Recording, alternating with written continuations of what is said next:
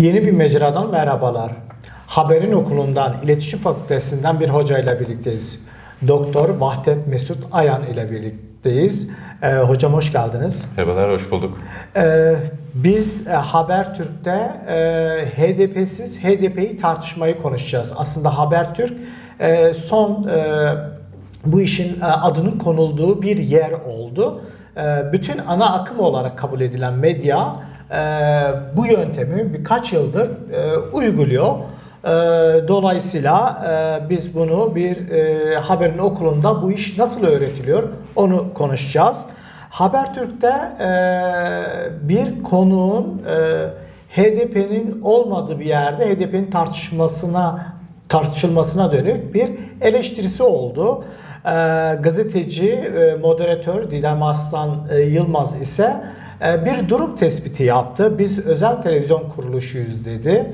E, gerçekten hocam bir özel televizyon kuruluşu e, istediği partiyi ya da istediği kişiyi, konuğu davet etmeme hakkına sahip mi? Bu hak nerede başlar, nerede biter?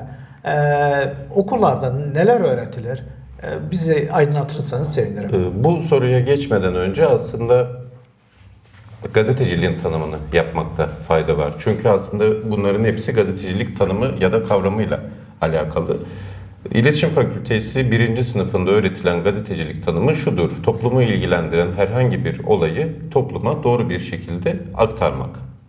Bir de gazeteciliğin ilkeleri vardır. Türkiye gazetecileri hak ve sorumluluklar bildirgesi yayınlanıyor biliyorsunuz.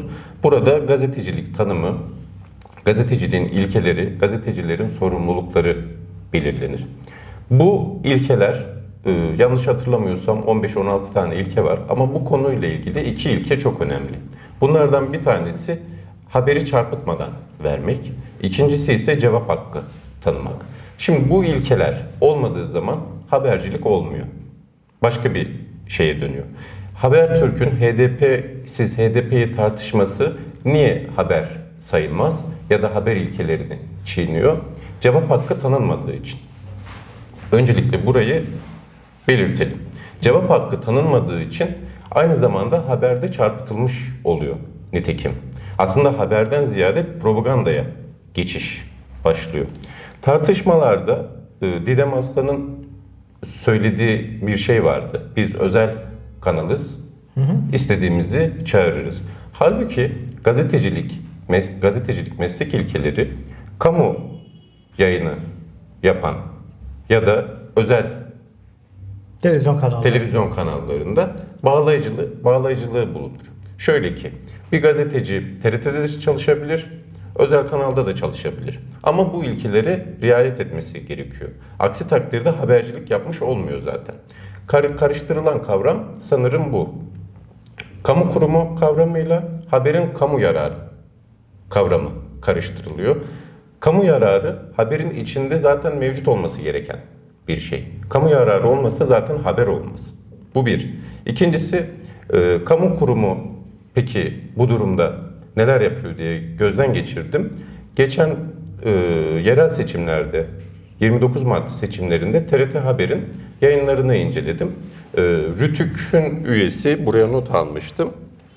İsmet Demirdoğan Demirdoğan. Evet. Demirören TRT Haber'de Cumhur İttifakı'na 164 saat, Millet İttifakı'na 46 saat, HDP ise 3 saat ayrıldığını belirtiyor. Dolayısıyla kamu kurumu olan TRT'de dahi böyle bir eşitsizlik mevcut. Yani e, Didem Aslan'ın söylemiş olduğu e, aslında bu iş e, kamu yayıncılığı yapan, kamu kaynaklarıyla finanse edilen TRT'nin işidir söylediği şey ama TRT'de aslında bunu tam yapmıyor. Evet, TRT de zaten e, iktidarın propaganda e, aygıtı haline dönüştü. Özel televizyonlarda. Burada özel televizyon ya da kamu televizyonu ya da kamu kurumu ayrımı yapmaksızın haberciliğin ilkeleri nelerdir? Bunlar üzerine düşünmemiz gerekiyor. Ayrıca bu haberciler de, bu gazeteciler de son günlerde Didem Aslan, Mehmet Akif Ersoy, Veysi Ateş. Reis Ateş evet. Ateş. Bunlar çok tartışılır oldu. Bunların, bu gazetecilerin hepsi bu ülkeleri aslında biliyor.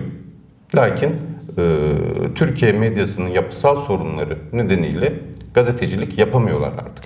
Sizin e, aslında e, doktora çalışmanız e, Türkiye medyasındaki bu değişim dönüşümü de inceliyor. Evet. Özellikle AKP dönemini inceliyor. Daha önce yeni bir mecrada da konuşmuştuk. E, biraz oradan bahsetmek ister misiniz? E, yani nasıl bir değişim oldu ana hatlarıyla? Şimdi şöyle söyleyebilirim. Bu tartışmalarda zaten yanlış olan bir şey var. Şöyle ki hem sosyal medyada hem de köşe yazılarında baktığımız zaman gazetecileri eleştiren, gazetecilerin hatta kişiliklerini, karakterlerini eleştiren bir e, Boyuta uydu. boyuta ulaştı. Bu yanlış. Şöyle ki eğer gazetecilerin kişilikleri ve karakterleriyle uğraşırsak sorunun sadece yüzeyinde e, yüzeyiyle ilgilenmiş oluruz. Halbuki yapısal bir sorun var. Medyanın yapısal bir sorunu var. Bu da nedir? Şudur. 1980 sonrası değişen dönüşen medya iktidar ve sermaye sınıfıyla daha ilişkilenir hale geldi.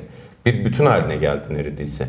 Devlet, sermaye ve medya birbirleriyle o kadar ilişkili hale geldi ki artık gazeteciler gazeteciliği yapamaz hale geldi. Yani bu işleyiş, bu ilişki hali gazetecilere gazetecilik yaptırmıyor. Yarın bir gün olay, olur ki çözüm sürecine yeniden dönüldü. Bakın göreceksiniz bu gazeteciler HDP'ye de yer verecek. Selahattin Demirtaş çıkacak. Selahattin Demirtaş'ı bağlamasıyla tekrar konuk edecekler. Yani burada kişiler üzerinden tartışmak yerine medyanın yapısal problemlerini Ya tartışmak sistemi gerekiyor. tartışmak Tabii gerekiyor. ki. Sistemi tartışmak gerekiyor, sistemi incelemek gerekiyor. Aynı zamanda sistemi dönüştürmek gerekiyor.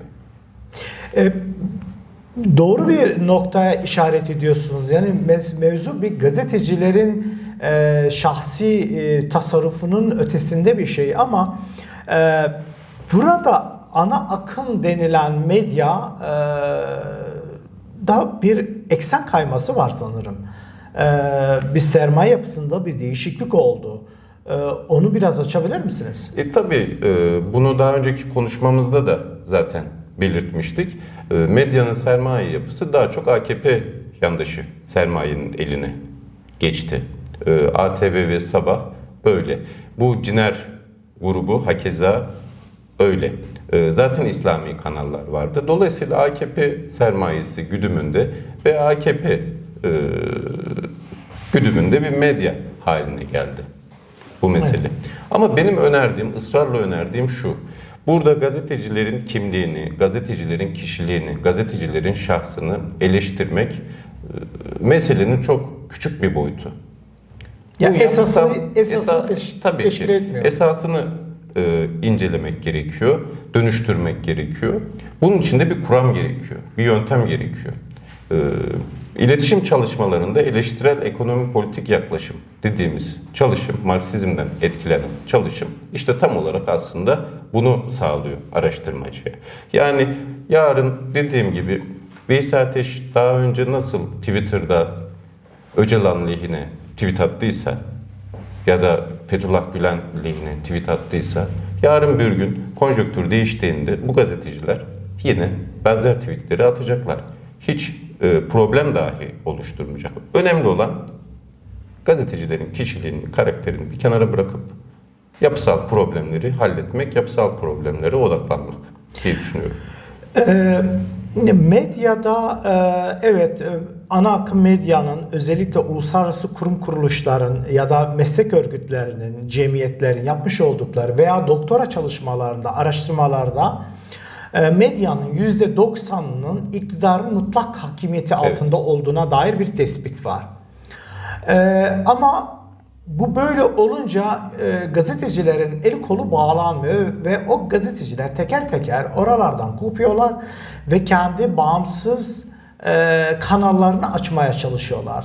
Ve belki de teknolojinin de e, nimetlerinden Evet. bu anlamda yararlanıyorlar. E, Dolayısıyla evet gazetecilerin kişilikleriyle gerçekten e, ilgilenmemek, o- oraya odaklanmamak lazım.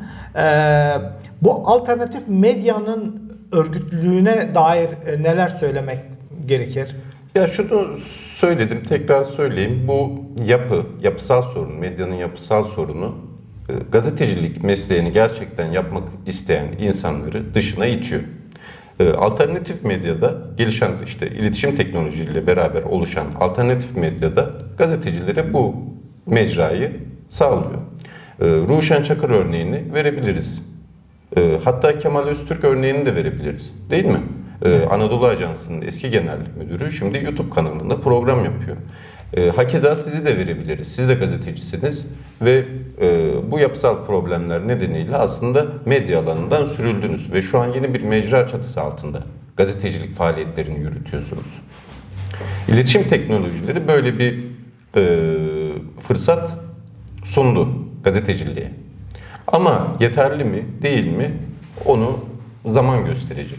Çünkü e, ana akım kavramını kullanmak istemiyorum ben. Çünkü Türkiye medyası ana akımı karşılamıyor. E, daha çok 2004 yılında Hallin ve Mancini'nin çalışması var. E, Türkiye'yi Akdeniz modeli derler onlar. Ben biraz daha Türkiye'yi Akdeniz modeline e, benzetiyorum Türkiye medyasını. Devletle ve sermaye ile ve tra- tiraj meselesiyle ilgili.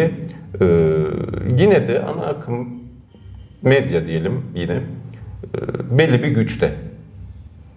Hedef gösterme açısından. Bakın e, şimdi HDP'lilere sorulan temel sorulardan bir tanesi şey değil mi? PKK'yı terör örgütü kabul ediyor musunuz? Evet aranızda mesafe. Mesafe koyuyor musunuz? Nasıl bir metre varsa aradaki mesafeyi nasıl ölçeceğiz? Yani nasıl ölçülür, nasıl olur bunu bilemiyorum ama Tahir Elçi'nin ölümüne sebep oldu bu soru. Evet. Yani sorulacak bir soru değil. Aslında hedef gösterme. Ya gazeteci bunu sormamalı. Gazetenin, gazetecinin işi bu değil. Çünkü yine gazetecilik e, ilkelerine geldiğimiz zaman orada hedef gösterme me, e, Sorumluluğu var. sorumluluğu var.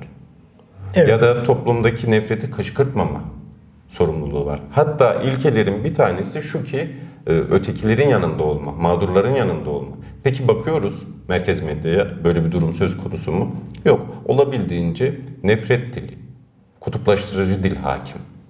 Burada yine söylüyorum gazetecilerin teker teker sorumluluğundan ziyade yapısal problemlere dikkat etmemiz, yapısal problemleri incelememiz gerekiyor. Ancak böyle e, bu medya alanını dönüştürebiliriz. Evet. Çok teşekkür ediyorum hocam. Ben Çok teşekkür ederim hocam. Çok